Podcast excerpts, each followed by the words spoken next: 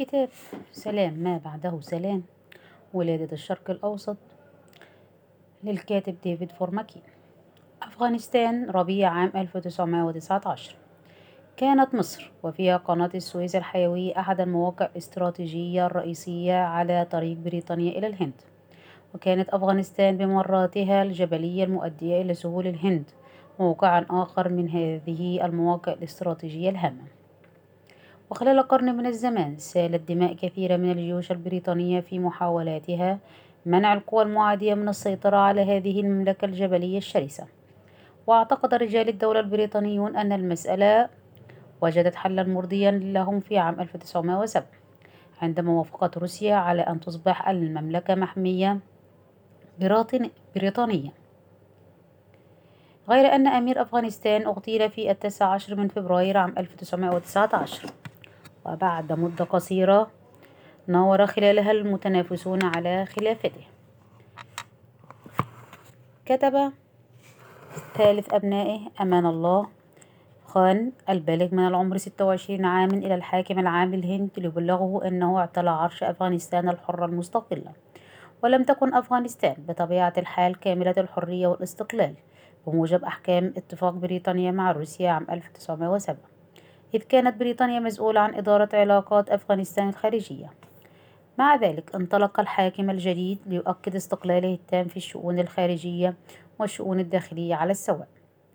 رسم أمان الله في السر خطة لمهاجمة الهند البريطانية عبر ممر خيبر وعلى أن يتزامن الهجوم مع انتفاضة وطنية هندية في بيشار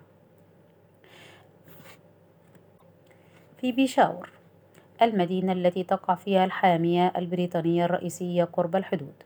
واعتقد أمان الله أن انتفاضة هندية شاملة لسائر أنحاء الهند ستتبع انتفاضة بيشاور. بيد أن قائد جيش أمان الله بدأ الهجوم قبل الأوان أي قبل أن يتوفر الوقت لتنظيم انتفاضة بيشاور وبذلك نبه البريطانيين من دون وعي منه إلى الخطر الذي يهددهم. ففي الثالث من مايو عام 1919 عبرت وحدة من الجنود الأفغان الحدود إلى الهند البريطانية عند قمة ممر خيبر واستولت على قرية حدودية ومحطة ضخ تتحكم بمورد الماء الذي يعتمد عليه مركز عسكري هندي قريب. وفي الخامس من مايو أبرق الحاكم العام للهند إلى لندن قائلا أنه يبدو أن حربا ويقصد الحرب الأفغانية الثالثة قد بدأت. قال أمان الله أنه أمر قواته بالتوجه إلى الحدود ردا على قمع البريطاني للاضطرابات في الهند وأشار إلى مذبحة أمريتسار وإلى السياسة التي ترمز إليها المذبحة فقال أنه باسم الإسلام والإنسانية يرى أن لشعوب الهند الحق في الثورة على الحكم البريطاني وأن قواته اتجهت إلى الحدود لتمنع انتشار الفوضى. لم يكن البريطانيون متيقنين من نياته. كل ما بلغهم هو أن بعثة عسكرية ألمانية كادت خلال الحرب أن تقنع أن تقنع الحكومة الأفغانية بغزو الهند. وأعتقد أيضا أن زملاء أنور باشا القدامى من أنصار الحركة الطورانية وكذلك الحكومة البلشفية الجديدة في روسيا قد يؤثرون على الحكومة الأفغانية بطرق خطرة. وتلقت السلطان البريطانية معلومات مفزعة في شهر مايو عندما عبرت قوات أمان الله الحدود. تفيد أن الأفغان قد خططوا لهجوم على الثلاثة جبهات في آن واحد وأن طريقة هذا الهجوم مؤلفة من جموع غفيرة من المتعصبين دينيا. استجابوا لنداء الجهاد ويساندهم جنود نظاميون بالتنسيق مع القبائل الحدودية. وهذا كله يحدث في وقت شلت فيه شلت فيه حركة القوات البريطانية. نتيجة لأعمال شغب واسعة النطاق في الهند. كان اعتقاد الضباط البريطانية في المنطقة الحدودية أنه لابد من عمل فوري فهاجموا المواقع الأفغانية وحدث قتال لم يسفر عن نتيجة نهائية. في نقاط متفرقة على امتداد جبهة واسعة. وقد تبين للبريطانيين أن انعدام الثقة بالوحدات المسلحة من أهل البلاد هو واحد فقط من أمور مزعجة عديدة اكتشفوها خلال حملة تتسم بالفوضى. ولا شعبية لها ولا تبعث على الرضا. وبينما كانت حكومة الهند البريطانية تجد صعوبة في تدبير المال وجدت نفسها مضطرة إلى زيادة ميزانيتها زيادة ضخمة بمقدار أربعة عشر مليون وسبعمائة وخمسون ألف جنيه لتغطية أكلات حملة شهر واحد. لقد نجحت القوات البريطانية في طرد القوات الأفغانية من الهند وكانت لها اليد العليا في نهاية شهر مايو ولكن عددها لم يكن كافيا لكي تأخذ على عاتقها غزو المملكة الأفغانية وإخضاعها. إن من حقق النجاح للقوات البريطانية واستخدام الطائرات التي عجز رجال القبائل على مقاومتها بأسلحتهم البدائية. وكان قصف سلاح الجو الملكي للمدن الأفغانية هو على وجه الخصوص السبب الذي أفقد أمان الله رباطة جأشه وحمله على أن يطلب الصلح. لكن حصيلة الحرب من وجهة النظر الأفغانية كانت أفضل من التكافؤ. صحيح أن الأفغان انسحبوا من الهند ولكنهم استردوا حريتهم ضمن حدود بلادهم.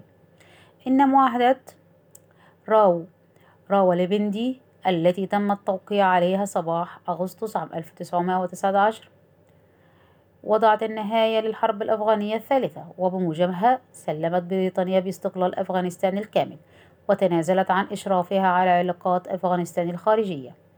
هذا الإشراف الذي كانت بحاجة إليه لإقصاء الدول الأجنبية المعادية وفي مقدمتها روسيا عن المملكة الجبلية ذات الموقع الاستراتيجي الهام.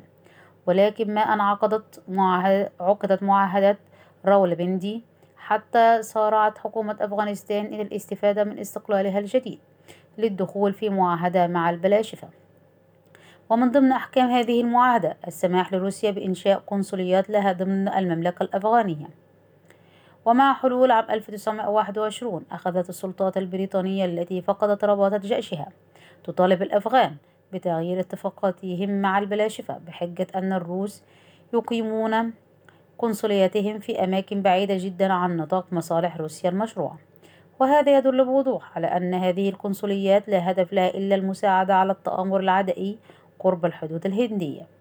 وفي عام 1921 دخلت بريطانيا مفاوضات جديدة مع نظام الحكم الأفغاني. وقد كتب مراسل جريدة تايمز بتاريخ الأول من سبتمبر عام 1921 أنه يجب تقديم تنازلات سخية. وقال إن مجلس الوزراء البريطاني بالرغم من نفوذ اللورد كورزون الذي صارت معرفته الواسعة بالشرق من مخلفات الماضي يجب أن يقتنع بضرورة الاعتراف بالقومية الأفغانية وباستقلال أفغانستان. فإذا ما حدث ذلك فستكون حكومة كابول مستعدة لإظهار الصداقة لبريطانيا. ولكن سنوات الوصاية التي فرضتها بريطانيا على أفغانستان لم تولد الصداقة بل ولدت الاستياء. وخلال مفاوضات عام 1921 تمكن الوفد البريطاني من تقديم البرهان على أن الأفغان شاركوا في مؤامرة على بريطانيا إذ أن المخابرات البريطانية كانت قد حلت الرموز السوفيتية. وعلمت منها بخطط للقيام بعمل عسكري أفغاني وروسي مشترك ضد الإمبراطورية البريطانية. وبالرغم من التنازلات السخية التي قدمها الوفد البريطاني استمر نظام كابول في تقديم التسهيلات إلى ممثلي البلشفيك. وسرعان ما تبين أن عملاء من الروس يتآمرون مع قبائل الحدود ذات النزعة الحربية وأن تآمرهم يحقق نجاحا. يمكن القول بطبيعة الحال أن أفغانستان كانت دوما تخلق مشاكل صعبة. وأن النكسة التي أصيب بها النفوذ البريطاني هناك هو حدث معزول واستثنائي. ولكن السياسة البريطانية في شبه الجزيرة العربية أيضا كانت في حالة يرثى لها مع أن شبه الجزيرة العربية كانت تبدو مفتوحة للنفوذ البريطاني ويحكمها ملوك ينادون بالصداقة مع بريطانيا.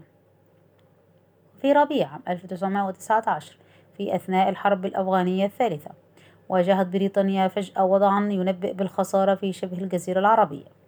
وبالرغم من عدم وجود صلة ظاهرة بين الأمرين أو بين أي منهما والوضع في مصر فقد أوحى تزامن حدوث الصعوبات في الأطراف الغربية والشرقية والجنوبية لإمبراطورية الشرق الأوسط البريطانية أن بريطانيا قد تكون تمادت في توسعها بالتزاماتها الإمبراطورية.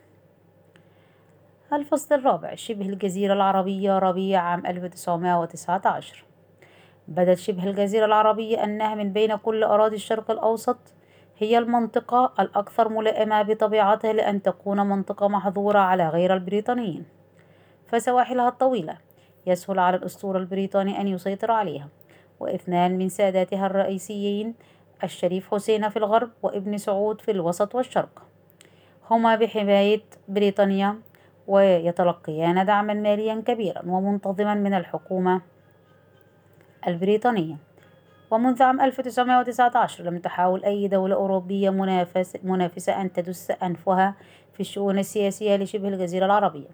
لقد بقيت الساحة خالية لبريطانيا. ولكن ما كادت الحرب العالمية الأولى تنتهي حتى اضطر مجلس الوزراء البريطاني للإعتراف بأن سياسته في شبه جزيرة العرب قد اختلت. فالخصومة بين حليفي بريطانيا الحسين ملك الحجاز وابن سعود سيد نجد كانت على أشدها وقد اشتكى الحسين من أنه مضطر لإنفاق 12 ألف جنيه شهريا من الدعم البريطاني الذي يتلقى في سبيل الدفاع عن نفسه من هجمات يشنها عليه ابن سعود الذي يتلقى بدوره خمسة آلاف جنيها شهريا على سبيل الدعم. وكان رأي ممثلي بريطانيا الذين نقلوا الشكوى شكوى الحسين أن تمويل بريطانيا لابن سعود والحسين اللذين يتقاتلان هو نوع من السخف. وهكذا نشأ نزاع مرير داخل الحكومة البريطانية بشأن ما ينبغي عمله. وهذا النزاع أدى إلى شلل عملية اتخاذ القرار وبالتالي لم يتخذ أي قرار. فقد كانت مسودات التعليمات والإنذارات النهائية تكتب دون أن ترسل الجهات المعنية والمسؤولون الذين كانوا يتخذون القرارات لم يخبرهم أحد أن مسؤولين آخرين قد ألغوا قراراتهم وكانت الأفكار تتبدل بين يوم وآخر. كان النزاع يتركز على ملكية خرمة وترابة وهما موقعان للحضر صغيران عند إحدى الواحات. ومكانهما عند الحدود الفاصلة بين منطقتي نفوذ الحسين وابن سعود. كانت المسائل المتنازع عليها أكبر مما تبدو ويعود هذا جزئيا إلى الامتلاك خرمة وترابة يعني كسب ولاءات قبلية. وبالتالي مساحات واسعة من المراعي. ولكن أهم من ذلك أن النزاع كان ذا صبغة دينية. كانت النشرة العربية قد نشرت في مطلع عام 1918 شكاوى من الحسين. لأن سلطته يقودها تغيير مذهب الناس الدينية على أيدي الموالين لابن سعود. ذلك أن مطالبة السعوديين خرمة وترابة منشؤها تغيير المذهب الديني. كان ابن سعود منافحا بالوراثة عن تعليم محمد بن عبد الوهاب الزعيم الديني الذي ظهر في القرن الثامن عشر وتعزز تحالفه مع آل سعود في عام 1745 بالتزاوج بين الأسرتين.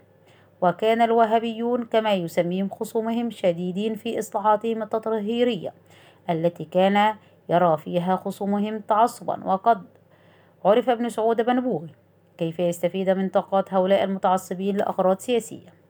بدأت في نهاية عام 1912 حركة انبعاث ديني قدر لها أن تغير طبيعة الأمور السياسية في شبه الجزيرة, الجزيرة العربية لمصلحة ابن سعود. فقد بدأ رجال القبائل يبيعون خيولهم وجمالهم وممتلكاتهم الأخرى في المدن ذات الأسواق لكي يستقروا في تجمعات زراعية تعاونية ويعيشوا الحياة الدينية الوهابية بقسوتها. وقد عرفت حركتهم هذه باسم الإخوان.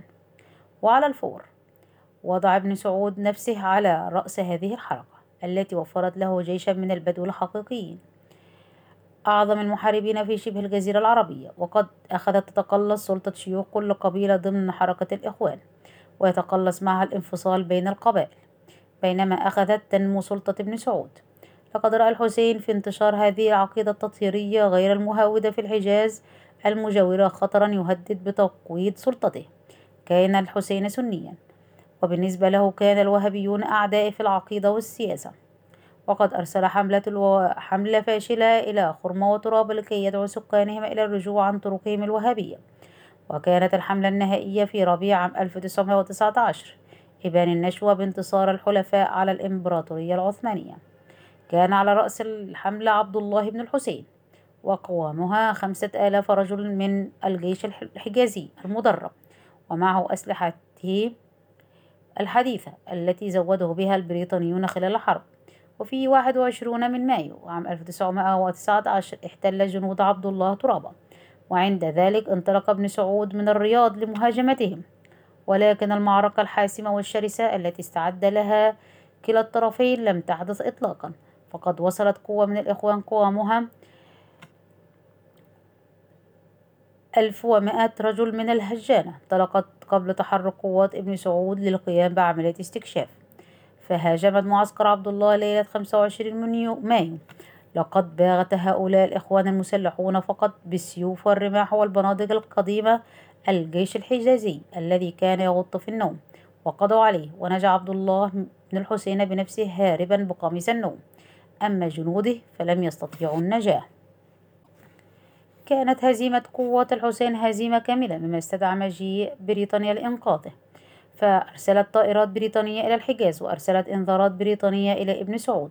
ولكن ابن سعود بما عهد عنه ومن دبلوماسية تفادى المجابهة وتظاهر بالنزول عند رغبات بريطانيا مدعا أنه يبذل يبذل قصارى جهده لضبط الإخوان أصحاب الرؤوس الحامية. أما الحسين فقد كان على النقيض تماما وظل على تعنته وبصعوبة تمكنت بريطانيا من حمله على قبول هدنة مؤقتة في أغسطس عام 1920 وبذلك بدأ أن القاهرة ولندن دعمتا الجانب الخطأ خصوصا أن ابن سعود حقق انتصارات جديدة باستيلاء على منطقة عسير الجبلية في عام 1920 وبطاحته بآل رشيد منافسيه في شبه الجزيرة العربية في نهاية عام 1921 وهكذا مضت قوات ابن سعود يتقدمها الإخوان الذين قدر عدد المقاتلين منهم بنحو 150 ألف. تعزز انتصاراتها في شبه الجزيرة العربية. في العشرين من سبتمبر عام 1920 كتب مراسل خاص لجريدة التايمز في الشرق الأوسط أن الاقتراح القديم الذي طرحه المكتب العربي بأن يصبح الحسين خليفة المسلمين وهو اقتراح من وحي اللورد كيتشنر في خريف عام 1914 قد ثبت أنه كارثة وتنبأ المراسل بأن ابن سعود سوف يغزو الحجاز ويستولي عليها والحقيقة أن هذا ما فعله ابن سعود بعد ذلك بأربع سنوات ودفع بالحسين إلى المنفى وجد البريطانيون أنفسهم على غير رغبة منهم في موقف المخاصم لابن سعود بسبب حاجتهم إلى دعم الحسين. كان الأمر يتعلق بهيبة بريطانيا وقال مسؤول في وزارة الخارجية البريطانية تعليقا على ذلك سنبدو كلنا حمقى في سائر أنحاء الشرق إذا ما هزم صنيعتنا بمثل هذه السهولة. لكن لم يكن باستطاعة بريطانيا أن تفعل الكثير في هذا الشأن وكما كانت الحال في أفغانستان. كانت هنا أيضا طبيعة أرض البلد الموحشة بل إنه بدأ أن أي تظاهرة باستخدام القوة لن تكون عملية. وعندما سئل مسؤولون بريطانيون في منطقة الساحل الخليجي عن الأهداف التي يمكن أن يقصفها الأسطول البريطاني على ساحل شبه جزيرة العرب كان ردهم أنه لا وجود لأي هدف يستحق أن يقصف. وهكذا بدأ المسؤولون البريطانيون في عام 1919 يجدون أنفسهم عاجزين عن السيطرة على الأحداث على الحدود الجنوبية والغربية والشرقية لإمبراطوريتهم الشرق أوسطية. لأسباب لم يستطيعوا مباشرة أن يسبروا أغوارها. ولم يكن واضحا لهم ما هو منهج السلوك الذي يمكن بواسطته ترويض السكان المحليين ولكن ربما كان التحدي الأخطر الذي واجه المسؤولون البريطانيون هو ذلك الذي واجهوه في تركيا قلب الإمبراطورية العثمانية التي يفترض أن بريطانيا سحقتها في عام 1918 انتهى التسجيل.